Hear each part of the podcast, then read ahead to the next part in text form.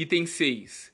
Capacitação e reciclagem dos recursos humanos, nas áreas de geriatria e gerontologia, e na prestação de serviços aos idosos. Estatuto do Idoso. Lei número 10741. Artigo 1 É instituído o Estatuto do Idoso, destinado a regular os direitos assegurados às pessoas com idade igual ou superior a 60 anos. Artigo 2 O idoso goza de todos os direitos fundamentais inerentes à pessoa humana sem prejuízo da proteção integral de que trata esta lei, assegurando-lhes, por lei ou por outros meios, todas as oportunidades e facilidades para a preservação de sua saúde física e mental, e seu aperfeiçoamento moral, intelectual, espiritual e social, em condições de liberdade e dignidade. Artigo 3. É obrigação da família, da comunidade, da sociedade e do poder público assegurar ao idoso, com absoluta prioridade, a efetivação do direito à educação, ao lazer, à saúde, ao trabalho, à alimentação, à vida, à cultura, ao esporte, à cidadania, à liberdade, à dignidade, ao respeito e à convivência familiar e comunitária. Parágrafo 1. A garantia de prioridade compreende: item 1. Atendimento preferencial imediato e individualizado junto aos órgãos públicos e privados prestadores de serviços à população. Item 2. Preferência na formulação e na execução de políticas sociais públicas específicas. Item 3. Destinação privilegiada de recursos públicos nas áreas relacionadas com a proteção ao idoso. Item 4. Viabilização de formas alternativas de participação, ocupação e convívio do idoso com as demais gerações. Item 5. Priorização do atendimento do idoso por sua própria família, em detrimento do atendimento asilar, exceto dos que não a possuam ou careçam de condições de manutenção da própria sobrevivência. Item 7. Estabelecimento de mecanismos que favoreçam a divulgação de informações de caráter educativo sobre os aspectos biopsicossociais de envelhecimento. Item 8. Garantia de acesso à rede de serviços de saúde e de assistência social locais. Item 9. Prioridade no recebimento de restituição do imposto de renda. Parágrafo 2 dentre os idosos é assegurada a prioridade especial aos maiores de 80 anos, atendendo-se suas necessidades, sempre preferencialmente em relação aos demais idosos.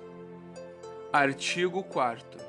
Nenhum idoso será objeto de qualquer tipo de negligência, discriminação, violência, crueldade ou opressão, e todo atentado aos seus direitos por ação ou omissão será punido na forma da lei. Parágrafo 1. É dever de todos prevenir a ameaça ou violação aos direitos do idoso. Parágrafo 2. As obrigações previstas nesta lei não excluem da prevenção outras decorrentes dos princípios por ela adotados. Artigo 6. Todo cidadão tem o dever de comunicar à autoridade competente qualquer forma de violação a esta lei que tenha testemunhado ou de que tenha conhecimento. Artigo 7. Os Conselhos Nacionais, Estaduais, do Distrito Federal e Municipais do Idoso, previstos, zelarão pelo cumprimento dos direitos do idoso definidos nesta lei. Capítulo 1 Do Direito à Vida. Artigo 8. O envelhecimento é um direito personalíssimo e a sua proteção um direito social nos termos desta lei e da legislação vigente. Artigo 9. É obrigação do Estado garantir à pessoa idosa a proteção à vida e à saúde, mediante efetivação de políticas sociais públicas que permitam um envelhecimento saudável e em condições de dignidade. Artigo 10. É obrigação do Estado e da sociedade assegurar à pessoa idosa a liberdade, o respeito e a dignidade como pessoa humana e sujeito de direitos civis, políticos, individuais e sociais, garantidos na Constituição e nas leis. Parágrafo 1. O direito à liberdade compreende, entre outros, os seguintes aspectos: Item 1. Faculdade de ir, vir e estar nos logradouros públicos e espaços comunitários, ressalvadas as restrições legais. Item 2. Opinião e expressão. Item 3. Crença e culto religioso. Item 4. Prática de esportes e de diversões. Item 5. Participação na vida familiar e comunitária. Item 6. Participação na vida política, na forma da lei. Item 7. Faculdade de buscar refúgio, auxílio e orientação. Parágrafo 2. O direito ao respeito consiste na inviolabilidade da integridade física, psíquica e moral, abrangendo a preservação da imagem, da identidade, da autonomia, de valores, ideias e crenças, dos espaços e dos objetos pessoais. Parágrafo 3. É dever de todos zelar pela dignidade do idoso, colocando-o a salvo de qualquer tratamento desumano, violento, aterrorizante, vexatório ou constrangedor. Capítulo 3 dos alimentos. Artigo 11. Os alimentos serão prestados ao idoso na forma da lei civil. Artigo 12. A obrigação alimentar é solidária, podendo o idoso optar entre os prestadores. Artigo 13. As transações relativas a alimentos poderão ser celebrados perante o promotor de justiça ou defensor público, que as referendará e passarão a ter efeito no título executivo extrajudicial nos termos da Lei Processual Civil. Artigo 14. Se o idoso ou seus familiares não possuírem condições econômicas de prover o seu sustento, impõe-se ao poder público esse provimento, no âmbito da assistência social. Artigo 15. É assegurada a atenção integral à saúde do idoso, por intermédio do Sistema Único de Saúde, garantindo-lhe o acesso universal e igualitário em conjunto articulado e contínuo das ações e serviços para a prevenção, promoção, proteção e recuperação da saúde incluindo atenção especial às doenças que afetam preferencialmente aos idosos. Parágrafo 1. A prevenção e a manutenção da saúde do idoso serão efetivadas por meio de: Item 1. Cadastramento da população idosa em base territorial. Item 2. Atendimento geriátrico e gerontológico em ambulatórios. Item 3. Unidades geriátricas de referência com pessoal especializado nas áreas de geriatria e gerontologia social. Item 4. Atendimento domiciliar, incluindo a internação para a população que dele necessitar e esteja impossibilitada de se locomover, inclusive para idosos abrigados e acolhidos por instituições públicas, filantrópicas ou sem fins lucrativos e eventualmente conveniadas com o poder público, nos meios urbanos e rurais. Item 5. Reabilitação orientada para geriatria e gerontologia para a redução das sequelas decorrentes do agravo da saúde. Parágrafo 2. Incumbe ao poder público fornecer aos idosos gratuitamente medicamentos, especialmente os de uso continuado, assim como próteses, órteses, e outros recursos relativos ao tratamento, habilitação e reabilitação. Parágrafo 3. É vedada a discriminação do idoso nos planos de saúde, pela cobrança de valores diferenciados em razão da idade. Parágrafo 4. Os idosos portadores de deficiência ou com limitação incapacitante terão atendimento especializado, nos termos da lei. Parágrafo 5 é vedado exigir o comparecimento do idoso enfermo perante os órgãos públicos, hipótese na qual será admitido o seguinte procedimento: Item 1. Quando de interesse do poder público, o agente promoverá o contato necessário com o idoso em sua residência. Item 2. Quando de interesse do próprio idoso, este se fará representar por procurador legalmente constituído. Parágrafo 6. É assegurado ao idoso enfermo o atendimento domiciliar pela perícia médica do Instituto Nacional do Seguro Social, INSS, pelo Serviço Público de Saúde ou pelo Serviço Privado de Saúde, contratado ou conveniado que integre o Sistema Único de Saúde, para expedição do laudo de saúde necessário ao exercício de seus direitos sociais e de isenção tributária. Parágrafo 7. Em todo atendimento de saúde, os maiores de 80 anos terão preferência especial sobre os demais idosos, exceto em casos de emergência. Artigo 16. Ao idoso internado ou em observação é assegurado o direito a acompanhante, devendo o órgão de saúde proporcionar as condições adequadas para sua permanência em tempo integral, segundo o critério médico. Parágrafo único. Caberá ao profissional de saúde responsável pelo tratamento conceder autorização para o acompanhante do idoso ou, no caso de impossibilidade, justificá-la por escrito. Artigo 17. Ao idoso que esteja no domínio de suas faculdades mentais, é assegurado o direito de optar pelo tratamento de saúde que lhe for reputado mais favorável. Parágrafo único.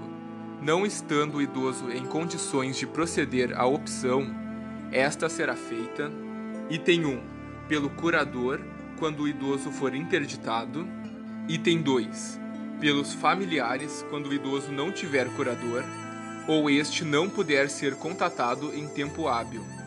Item 3, pelo médico, quando ocorrer iminente risco de vida e não houver tempo hábil para consulta a curador ou familiar. Item 4. Pelo próprio médico, quando não houver curador ou familiar conhecido, caso em que deverá comunicar o fato ao Ministério Público. Artigo 18. As instituições de saúde devem atender aos critérios mínimos para o atendimento às necessidades do idoso promovendo o treinamento e a capacitação dos profissionais, assim como orientação a cuidadores familiares e grupos de autoajuda. Artigo 19.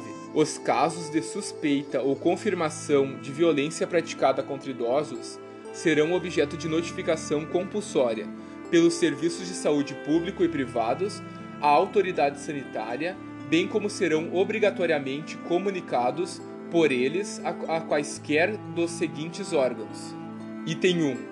A autoridade policial. Item 2. Ministério Público. Item 3. Conselho Municipal do Idoso. Item 4. Conselho Estadual do Idoso. Item 5. Conselho Nacional do Idoso. Parágrafo 1. Para os efeitos desta lei, considera-se violência contra o idoso qualquer ação ou omissão praticada em local público ou privado que lhe cause morte, dano ou sofrimento físico ou psicológico. Artigo 20. O idoso tem direito a educação, cultura, esporte, lazer, diversão, espetáculos, produtos e serviços que respeitem sua peculiar condição de idade. Artigo 20 o poder público criará oportunidades de acesso do idoso à educação, adequando currículos, metodologias e material didático aos programas educacionais a ele destinados. Parágrafo 1. Os cursos especiais para idosos incluirão conteúdo relativo às técnicas de comunicação, computação e demais avanços tecnológicos, para sua integração à vida moderna. Parágrafo 2 os idosos participarão das comemorações de caráter cívico ou cultural para a transmissão de conhecimentos e vivências às demais gerações, no sentido de preservação da memória e da identidade cultural. Artigo 22. Nos currículos mínimos dos diversos níveis de ensino formal serão inseridos conteúdos voltados ao processo de envelhecimento, ao respeito e à valorização do idoso, de forma a eliminar o preconceito e a produzir conhecimento sobre a matéria. Artigo 23. A participação dos idosos em atividades culturais e de lazer será proporcionada mediante descontos de pelo menos 50% nos ingressos para eventos artísticos, culturais, esportivos e de lazer, bem como acesso preferencial aos respectivos locais. Artigo 25. As instituições de educação superior ofertarão às pessoas idosas, na perspectiva da educação ao longo da vida, cursos e programas de extensão, presenciais ou à distância, constituídos por atividades formais e não formais. Parágrafo único. O poder público apoiará a criação de universidade aberta às pessoas idosas e incentivará a publicação de livros e periódicos de conteúdo e padrão editorial adequados ao idoso, que facilitem a leitura, considerada a natural redução da capacidade visual. Capítulo 6 da profissionalização e do trabalho. Artigo 26. O idoso tem direito ao exercício de atividade profissional, respeitadas suas condições físicas, intelectuais e psíquicas. Artigo 27. Na admissão do idoso em qualquer trabalho ou emprego, é vedada a discriminação e a fixação de limite máximo de idade, inclusive para concursos ressalvados os casos em que a natureza do cargo o exigir. Parágrafo único.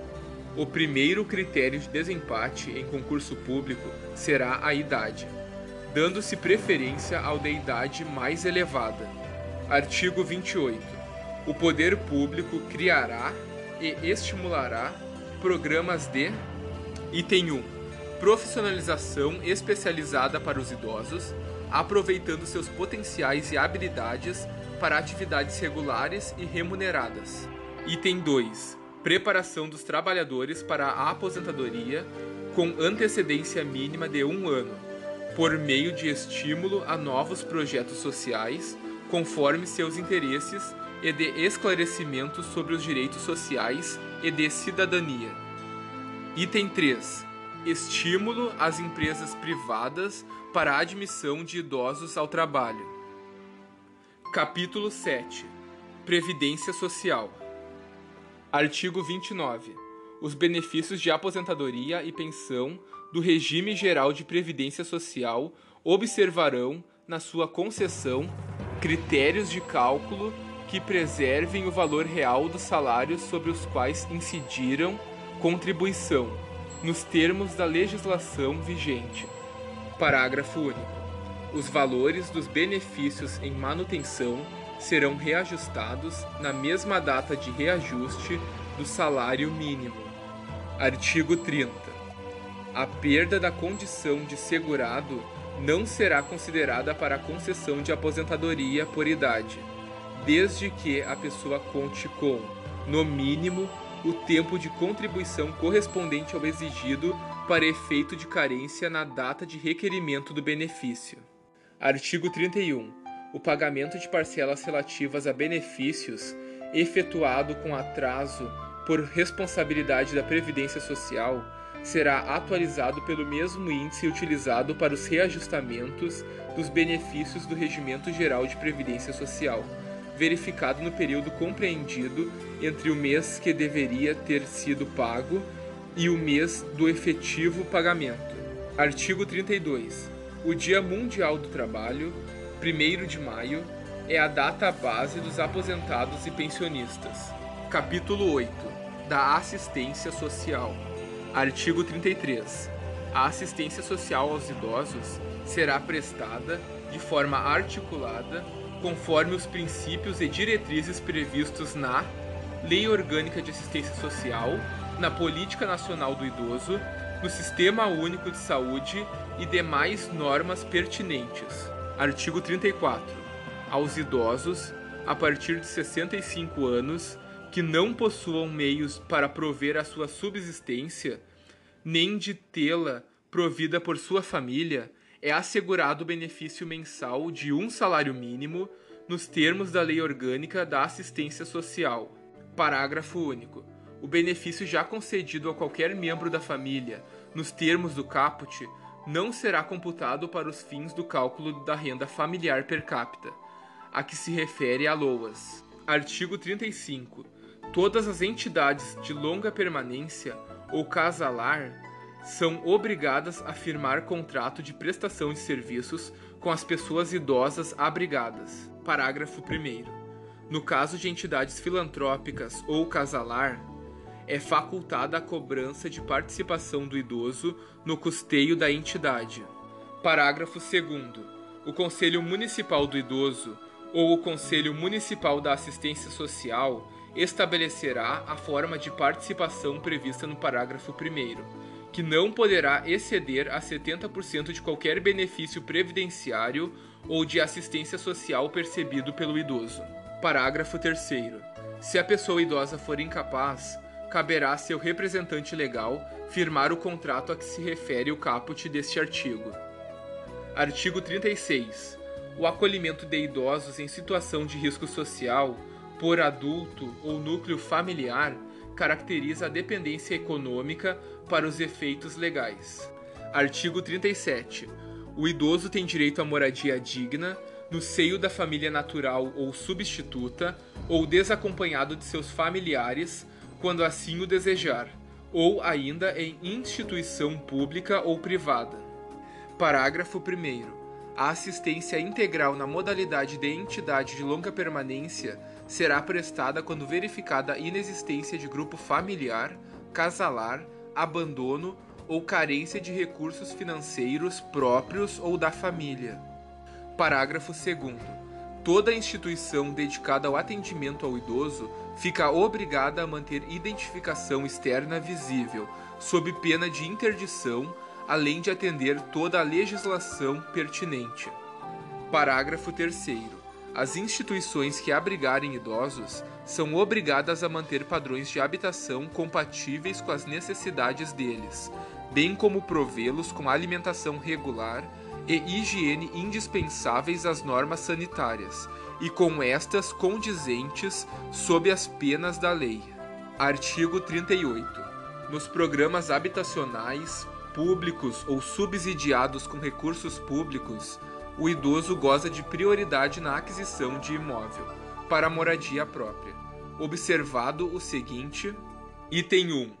Reserva de pelo menos 3% das unidades habitacionais residenciais para atendimento aos idosos. Item 2. Implantação de equipamentos urbanos comunitários voltados aos idosos. Item 3 eliminação de barreiras arquitetônicas e urbanísticas para garantia de acessibilidade ao idoso. Item 4.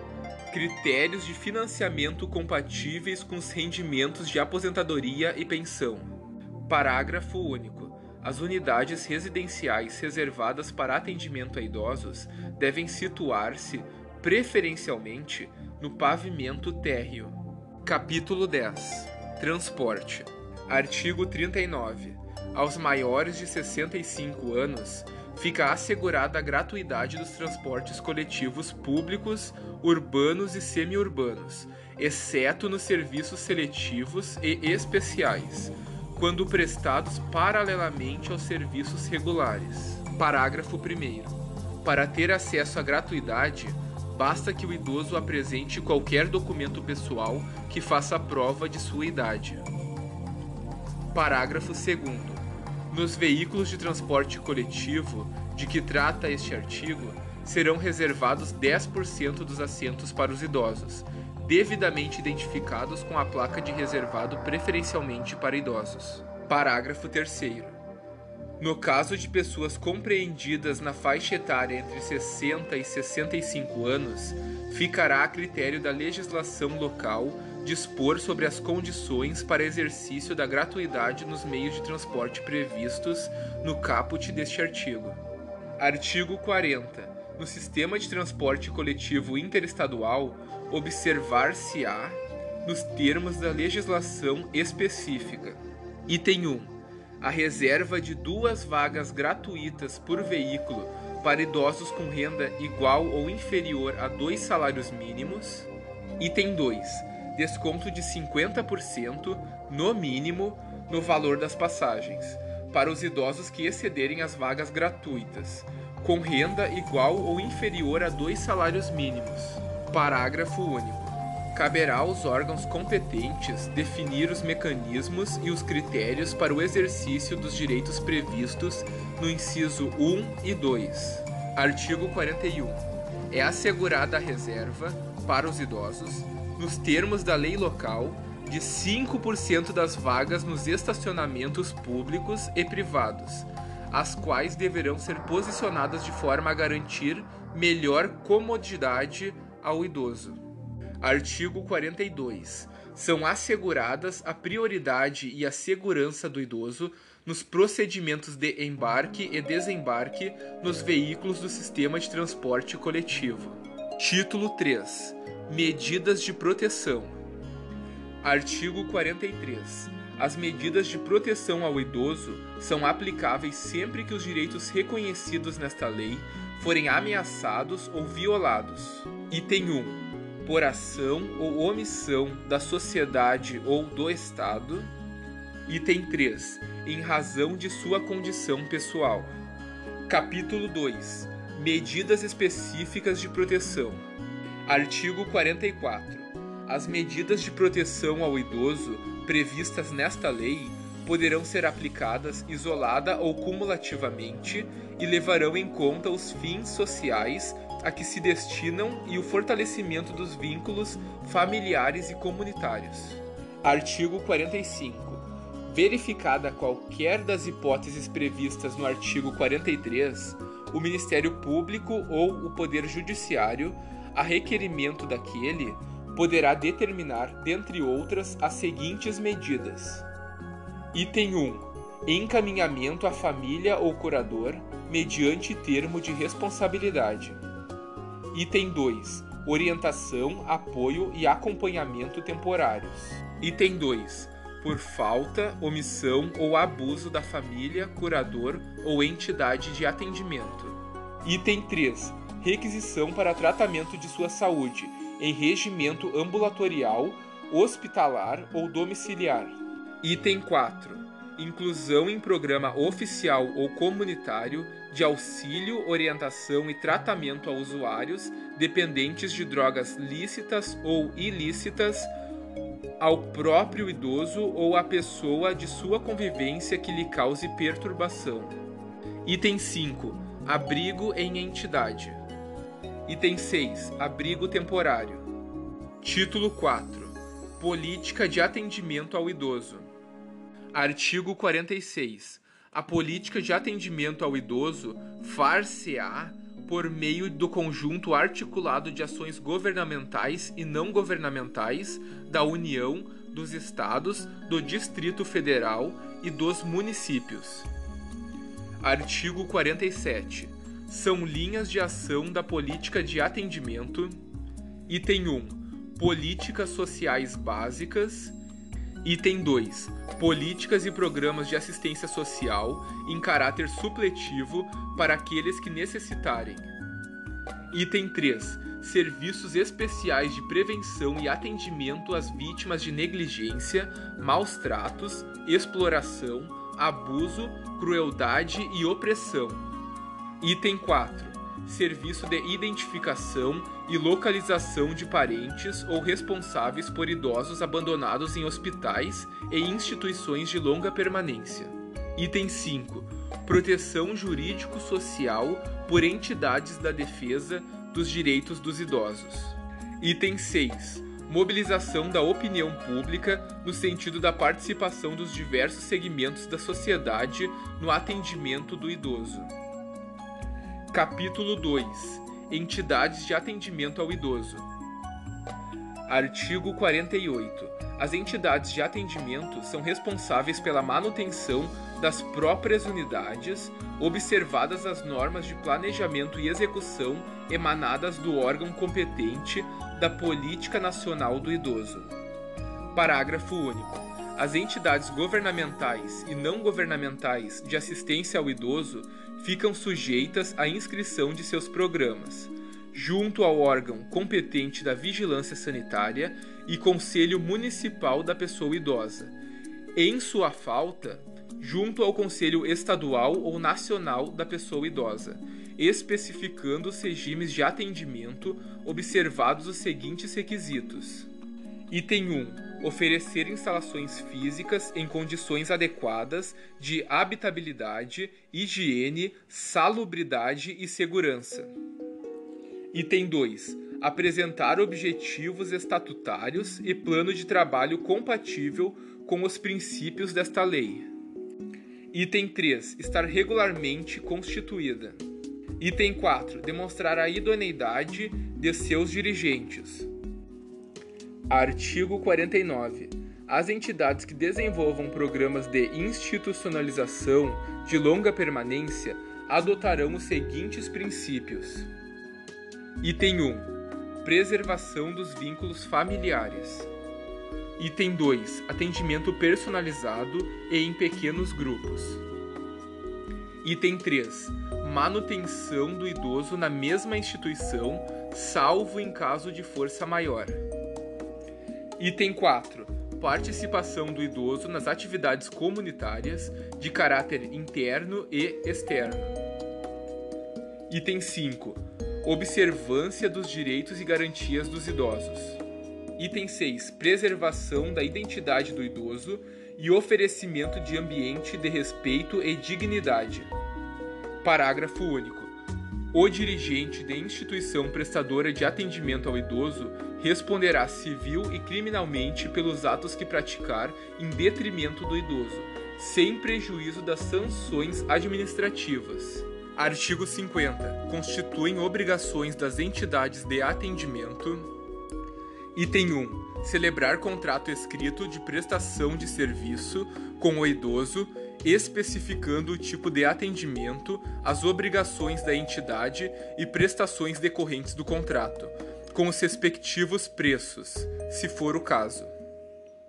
Item 2. Observar os direitos e as garantias de que são titulares os idosos.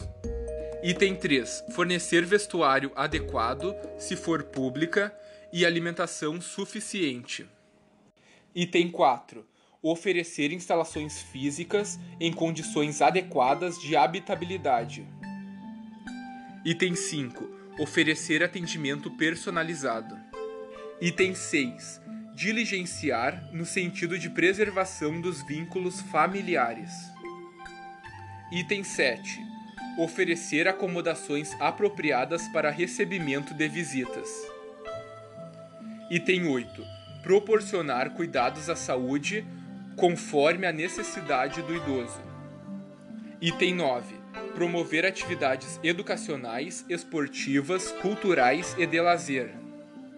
Item 10. Propiciar assistência religiosa a aqueles que desejarem, de acordo com suas crenças. Item 11. Proceder a estudo social e pessoal de cada caso. Item 12. Comunicar à autoridade competente de saúde toda a ocorrência de idoso portador de doenças infecto-contagiosas. Item 13. Providenciar ou solicitar que o Ministério Público requisite os documentos necessários ao exercício da cidadania a aqueles que não os tiverem, na forma da lei. Item 15. Manter arquivo de anotações onde constem data e circunstâncias do atendimento, nome do idoso, responsável, parentes, endereços, cidade, relação de seus pertences, bem como o valor de contribuições e suas alterações, se houver, e demais dados que possibilitem sua identificação e a individualização do atendimento. Item 16. Comunicar ao Ministério Público, para as providências cabíveis, a situação de abandono moral ou material por parte dos familiares. Item 17. Manter no quadro de pessoal profissionais com formação específica. Artigo 51. As instituições filantrópicas ou sem fins lucrativos, prestadoras de serviço ao idoso, terão direito à assistência judiciária gratuita. Item 14. Fornecer comprovante de depósito dos bens móveis que receberem dos idosos. Capítulo 3 Fiscalização das entidades de atendimento. Artigo 52. As entidades governamentais e não governamentais de atendimento ao idoso serão fiscalizadas pelos Conselhos do Idoso, Ministério Público vigilância sanitária e outros previstos em lei. Artigo 54. Será dada publicidade das prestações de contas dos recursos públicos e privados recebidos pelas entidades de atendimento. Artigo 55. As entidades de atendimento que descumprirem as determinações desta lei ficarão sujeitas, sem prejuízo da responsabilidade civil e criminal de seus dirigentes ou prepostos, às seguintes penalidades, observado o devido processo legal. Item 1. As penalidades cabíveis às entidades governamentais. Item A. Advertência. Item B. Afastamento provisório de seus dirigentes. Item C. Afastamento definitivo de seus dirigentes. Item D. Fechamento de unidade ou interdição de programa. Item 2. Penalidades cabíveis às entidades não governamentais. Item A. Advertência. Item B. Multa. Item C. Suspensão parcial ou total do repasse de verbas públicas. Item D. Interdição de unidade ou suspensão de programa. Item E. Proibição de atendimento a idosos a bem do interesse público. Parágrafo 1. Havendo danos aos idosos abrigados ou qualquer tipo de fraude em relação ao programa, caberá o afastamento provisório dos dirigentes ou a interdição da unidade e a suspensão do programa. Parágrafo 2. A suspensão parcial ou total do repasse de verbas públicas ocorrerá quando verificada a má aplicação ou desvio de finalidade dos recursos. Parágrafo 3. Na ocorrência de infração por entidade de atendimento que coloque em risco os direitos assegurados nesta lei, será o fato comunicado ao Ministério Público para as providências cabíveis, inclusive para promover a suspensão das atividades ou dissolução da entidade, com a proibição de atendimento a idosos a bem do interesse público, sem prejuízos das providências a serem tomadas pela vigilância sanitária. Parágrafo 4. Na aplicação das penalidades, serão consideradas a natureza e a gravidade da infração cometida, os danos que dela provierem para o idoso, as circunstâncias agravantes ou atenuantes e os antecedentes da entidade. Capítulo 5 Apuração administrativa de infração às normas de proteção ao idoso. Artigo 60. O procedimento para imposição de penalidade administrativa por infração às normas de proteção ao idoso terá início com requisição do Ministério Público ou auto de infração elaborado por servidor efetivo. Este auto deve constar a assinatura do servidor e, se possível, por mais duas testemunhas. Parágrafo 1. No procedimento iniciado com auto de infração, poderão ser usadas fórmulas impressas, especificando-se a natureza e as circunstâncias da infração. Parágrafo 2. Sempre que possível, a verificação da infração seguir-se-á a lavratura do auto, ou este será lavrado dentro de 24 horas por motivos justificado. Lembrando que lavrar documento é o ato de redigir, fazer ou elaborar um documento. Artigo 61. O autuado terá prazo de 10 dias para apresentação da defesa, contado da data da intimação, que será feita. Item 1. Pelo autuante no instrumento da autuação, quando for lavrado na presença do infrator. Item 2. Por via postal, com aviso de recebimento. Artigo 62. Havendo risco para a vida ou a saúde do idoso, a autoridade competente aplicará à entidade de atendimento as sanções regulamentares, sem prejuízo da iniciativa e das providências que vierem a ser adotadas pelo Ministério Público ou pelas demais instituições legitimadas para fiscalização. Artigo 63. Nos casos em que não houver risco para a vida ou a saúde da pessoa idosa abrigada, a autoridade competente aplicará à entidade de atendimento as sanções regulamentares, sem prejuízo da iniciativa e das providências que vierem a ser adotadas pelo Ministério Público ou pelas demais instituições legitimadas para fiscalização. Capítulo 6 Apuração judicial de irregularidade em entidade de atendimento. Artigo 65. O procedimento de apuração de irregularidade em entidade governamental e não governamental de atendimento ao idoso terá início mediante petição fundamentada, de pessoa interessada ou iniciativa do Ministério Público. Artigo 66. Havendo um motivo grave, poderá a autoridade judiciária, ouvido o Ministério Público, decretar liminarmente o afastamento provisório do dirigente da entidade ou outras medidas que julgar adequadas, para evitar lesão aos direitos do idoso, mediante decisão fundamentada. Artigo 67. O dirigente da entidade será citado para, no prazo de 10 dias, oferecer resposta escrita, podendo juntar documentos e indicar as provas a produzir. Artigo 68. Apresentada a defesa, o juiz procederá na conformidade do artigo 69 ou, se necessário, designará audiência de instrução e julgamento, deliberando sobre a necessidade de produção de outras provas. Parágrafo 1. Salvo manifestação em audiência, as partes e o Ministério Público terão cinco dias para oferecer alegações finais, decidindo a autoridade judiciária em igual prazo.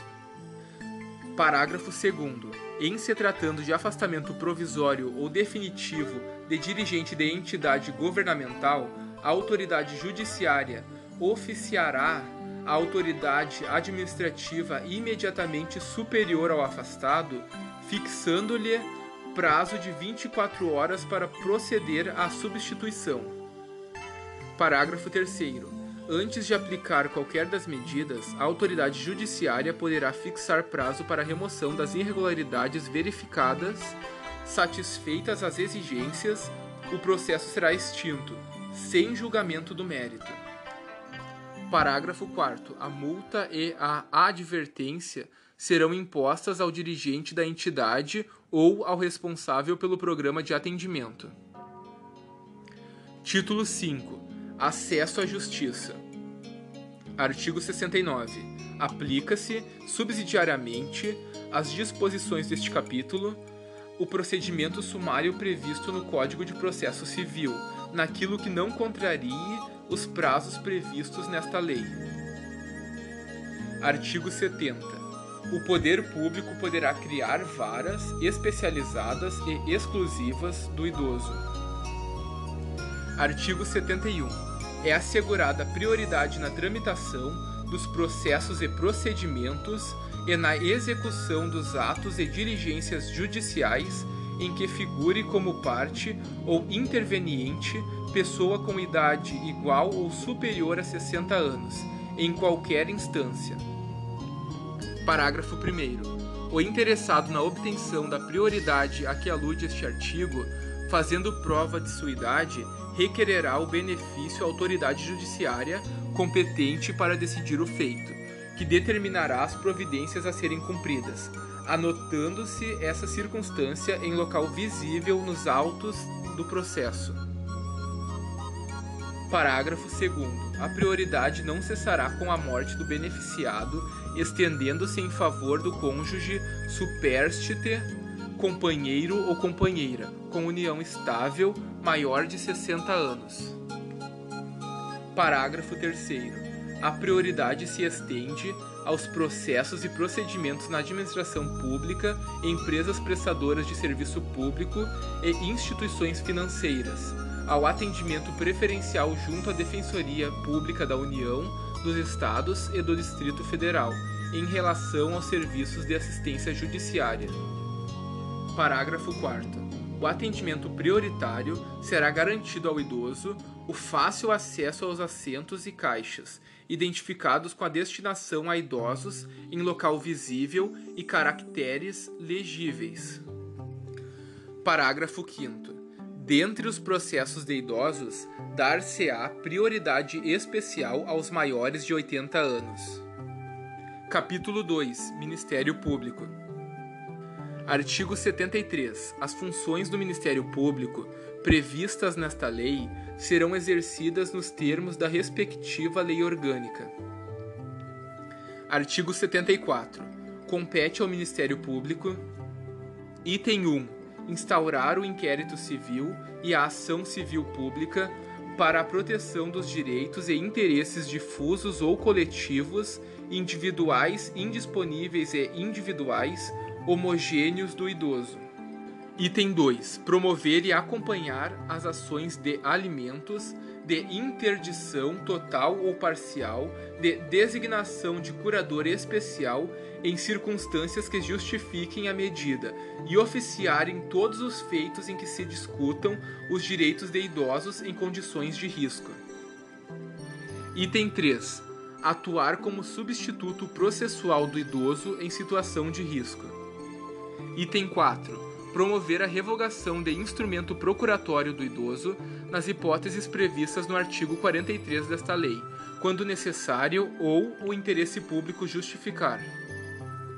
Item 5. Instaurar o procedimento administrativo e para instruí-lo, o Ministério Público poderá Item A. Expedir notificações, colher depoimentos ou esclarecimentos e, em caso de não comparecimento injustificado da pessoa notificada, requisitar condução coercitiva, inclusive pela Polícia Civil ou Militar. Item B requisitar informações, exames, perícias e documentos de autoridades municipais, estaduais e federais, da administração direta e indireta, bem como promover inspeções e diligências investigatórias. Item C. Requisitar informações e documentos particulares de instituições privadas. Voltando ao que compete ao Ministério Público. Item 6 instaurar sindicâncias, requisitar diligências investigatórias e a instauração de inquérito policial para apuração de ilícitos ou infrações às normas de proteção ao idoso. Item 7. Zelar pelo efetivo respeito aos direitos e garantias legais assegurados ao idoso, promovendo as medidas judiciais e extrajudiciais cabíveis. Item 8. Inspecionar as entidades públicas e particulares de atendimento e os programas de que trata esta lei, adotando de pronto as medidas administrativas ou judiciais necessárias à remoção de irregularidade porventura verificadas. Item 9.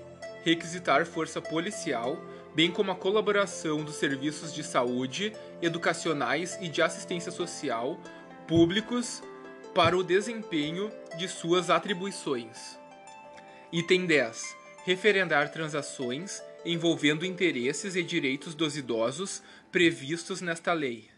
Parágrafo 1. A legitimação do Ministério Público para as ações cíveis previstas neste artigo não impede a de terceiros, nas mesmas hipóteses, segundo dispuser a lei. Parágrafo 2. As atribuições constantes deste artigo não excluem outras, desde que compatíveis com a finalidade e atribuições do Ministério Público. Parágrafo 3. O representante do Ministério Público, no exercício de suas funções, terá livre acesso a toda entidade de atendimento ao idoso. Artigo 75. Nos processos e procedimentos em que não for parte, atuará obrigatoriamente o Ministério Público na defesa dos direitos e interesses de que cuida esta lei, hipóteses em que terá vista dos autos depois das partes, podendo juntar documentos, requerer diligências e produção de outras provas, usando os recursos cabíveis. Artigo 76. A intimação do Ministério Público, em qualquer caso, será feita pessoalmente. Artigo 77. A falta de intervenção do Ministério Público acarreta a nulidade do feito, que será declarada de ofício pelo juiz ou a requerimento de qualquer interessado. Capítulo 3. Proteção judicial dos interesses difusos, coletivos e individuais indisponíveis ou homogêneos. Artigo 78 as manifestações processuais do representante do Ministério Público deverão ser fundamentadas. Artigo 79. Regem-se pelas disposições desta lei as ações de responsabilidade por ofensa aos direitos assegurados ao idoso, referentes à omissão ou ao oferecimento insatisfatório de Item 1. Acesso às ações e serviços de saúde. Item 2. Atendimento especializado ao idoso portador de deficiência ou com limitações incapacitantes. Item 3. Atendimento especializado ao idoso portador de doença infecto-contagiosa. Item 4. Serviço de assistência social visando ao amparo do idoso. Parágrafo único. As hipóteses previstas nesse artigo não excluem da proteção judicial outros interesses difusos, coletivos, individuais, indisponíveis ou homogêneos, próprios do idoso, protegidos em lei. Artigo 80. As ações previstas neste capítulo terão propostas no fórum do domicílio do idoso, cujo juízo terá competência absoluta para processar a causa, ressalvadas as competências da Justiça Federal e a competência originária dos tribunais superiores. Artigo 81. Para as ações cíveis fundadas em interesses difusos, coletivos, individuais, indisponíveis ou homogêneos, considera-se legitimados concorrentemente. Item 1. O Ministério Público. Item 2. A União, os Estados, o Distrito Federal e os municípios. Item 3. A Ordem dos Advogados do Brasil. Item 4. As associações legalmente constituídas há pelo menos um ano e que incluam entre os fins institucionais a defesa dos interesses e direitos da pessoa idosa, dispensada a autorização de assembleia, se houver prévia autorização estatutária. Parágrafo 1. Admitir-se-á litisconsórcio facultativo entre os Ministérios Públicos da União e dos Estados na defesa dos interesses e direitos de que cuida esta lei. Parágrafo 2. Em caso de desistência ou abandono da ação por associação legitimada, o Ministério Público ou outro legitimado deverá assumir a titularidade ativa. Artigo 82 para a defesa dos interesses e direitos protegidos por esta lei, são admissíveis todas as espécies de ação pertinentes. Parágrafo 2. Contra atos ilegais ou abusivos de autoridade pública ou agente da pessoa jurídica no exercício de atribuições do poder público que lesem direito líquido e certo previstos nesta lei, caberá ação mandamental que se regerá pelas normas da Lei do Mandato de Segurança. Artigo 83. Na ação que tenha por objeto o cumprimento de obrigação de fazer ou não fazer, o juiz concederá a tutela específica da obrigação ou determinará providências que assegurem o resultado prático equivalente ao adimplemento. Parágrafo 2. O juiz poderá, na hipótese do parágrafo 1 ou na sentença, impor multa diária ao réu, independentemente do pedido do autor, se for suficiente ou compatível com a obrigação, fixando o prazo razoável para o cumprimento do preceito. Parágrafo 3. A multa só será exigível do réu após o trânsito em julgado da sentença favorável ao autor, mas será devida desde o dia em que se houver configurado. Artigo 84. Os valores das multas previstas nesta lei reverterão ao Fundo do Idoso, onde houver, ou na falta deste, ao Fundo Municipal de Assistência Social, ficando vinculados ao atendimento ao idoso. Parágrafo 1. Sendo relevante o fundamento da demanda e havendo justificado receio de ineficiência do provimento final, é ilícito ao juiz conceder a tutela liminarmente ou após justificação prévia na forma do artigo 273 do Código de Processo Civil. Parágrafo único.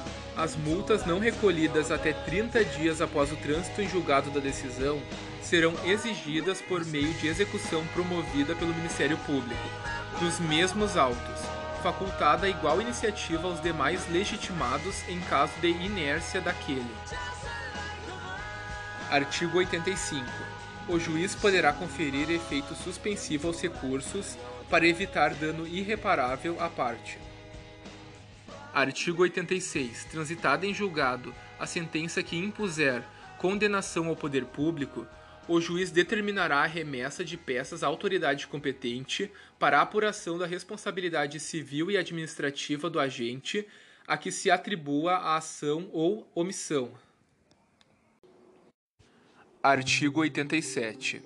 Decorridos 60 dias do trânsito em julgado da sentença condenatória favorável ao idoso, sem que o autor lhe promova a execução, deverá fazê-lo o Ministério Público, facultada igual iniciativa aos demais legitimados, como assistentes ou assumindo o polo ativo, em caso de inércia desse órgão.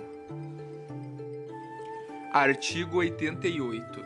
Nas ações em que trata este capítulo, não haverá adiantamento de custas, emolumentos, honorários periciais e quaisquer outras despesas. Parágrafo único. Não se importará sucumbência ao Ministério Público. Artigo 89. Qualquer pessoa poderá e o servidor deverá provocar a iniciativa do Ministério Público, prestando-lhe informações sobre os fatos que constituam objeto de ação civil e indicando-lhe os elementos de convicção. Artigo 90.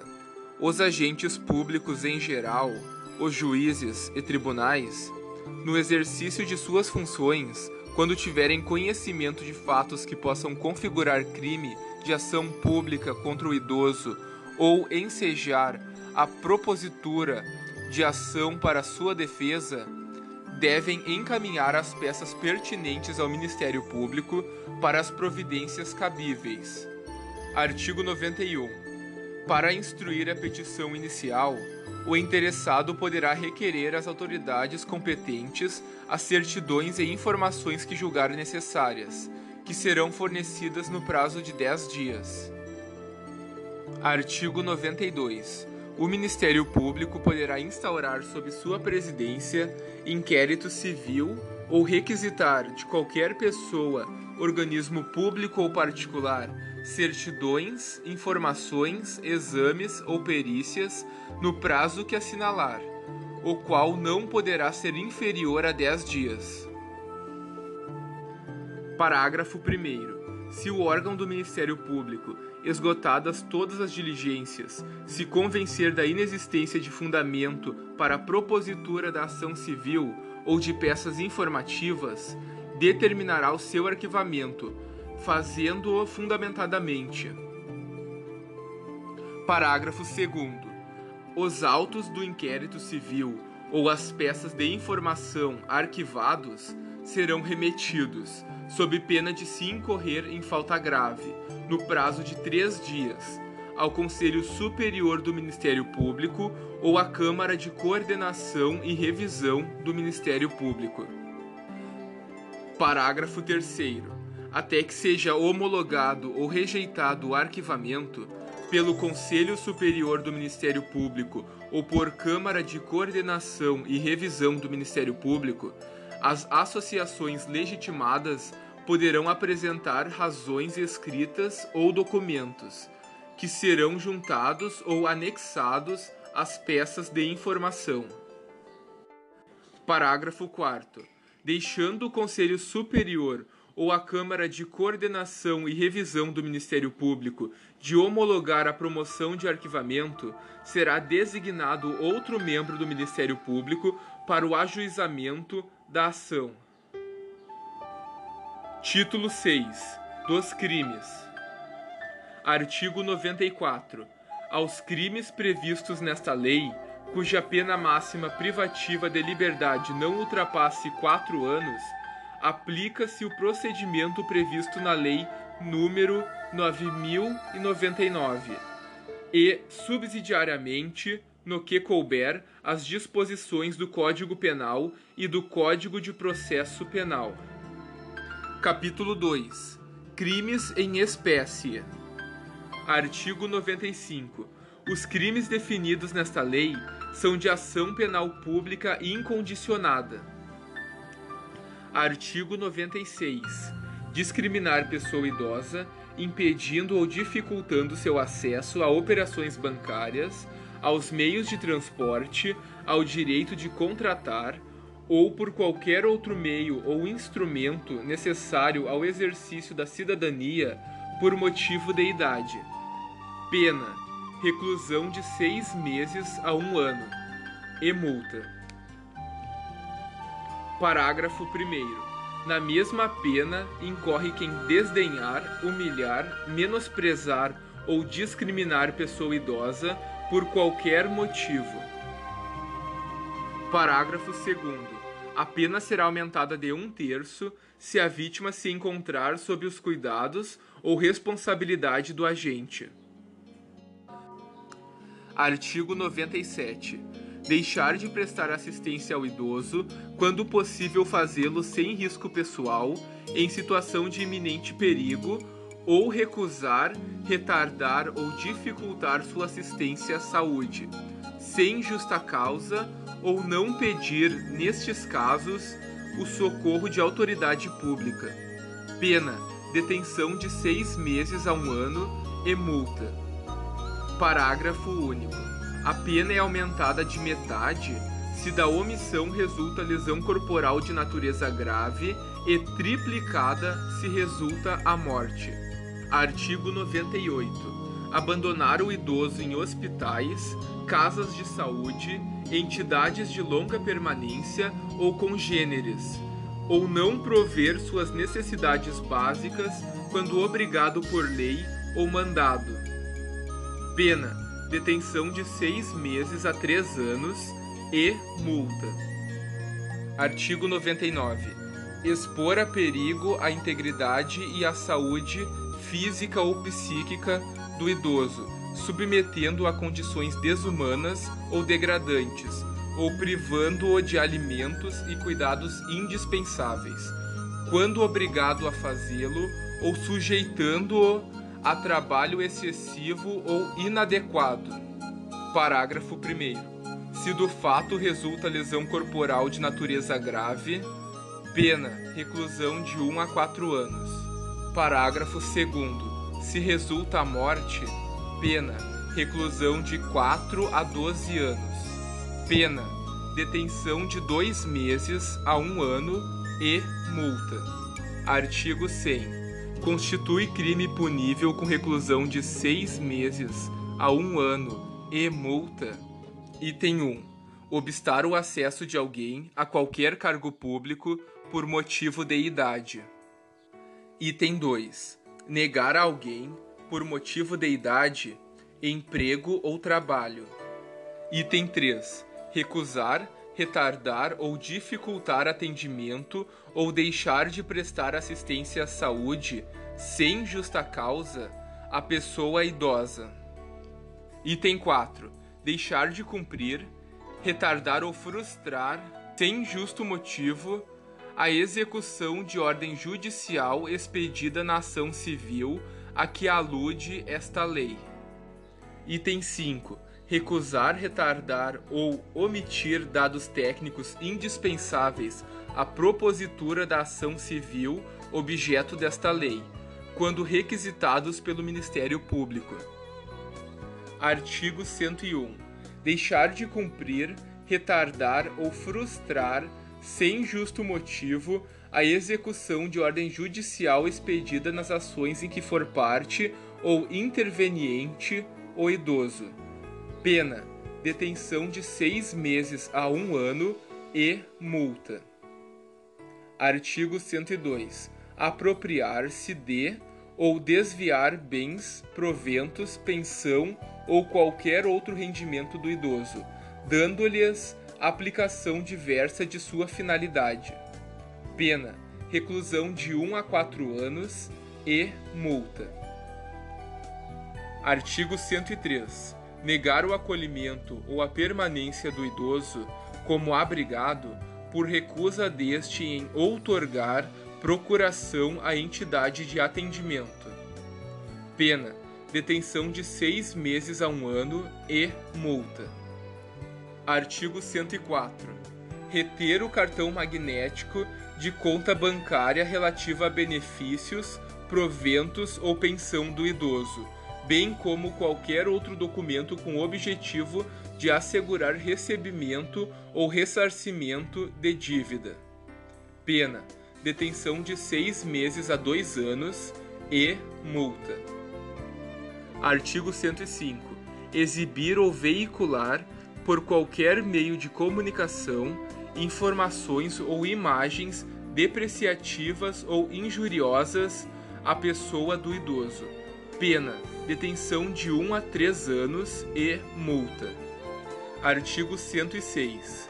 Induzir pessoa idosa sem discernimento de seus atos a outorgar procuração para fins de administração de bens ou deles dispor livremente.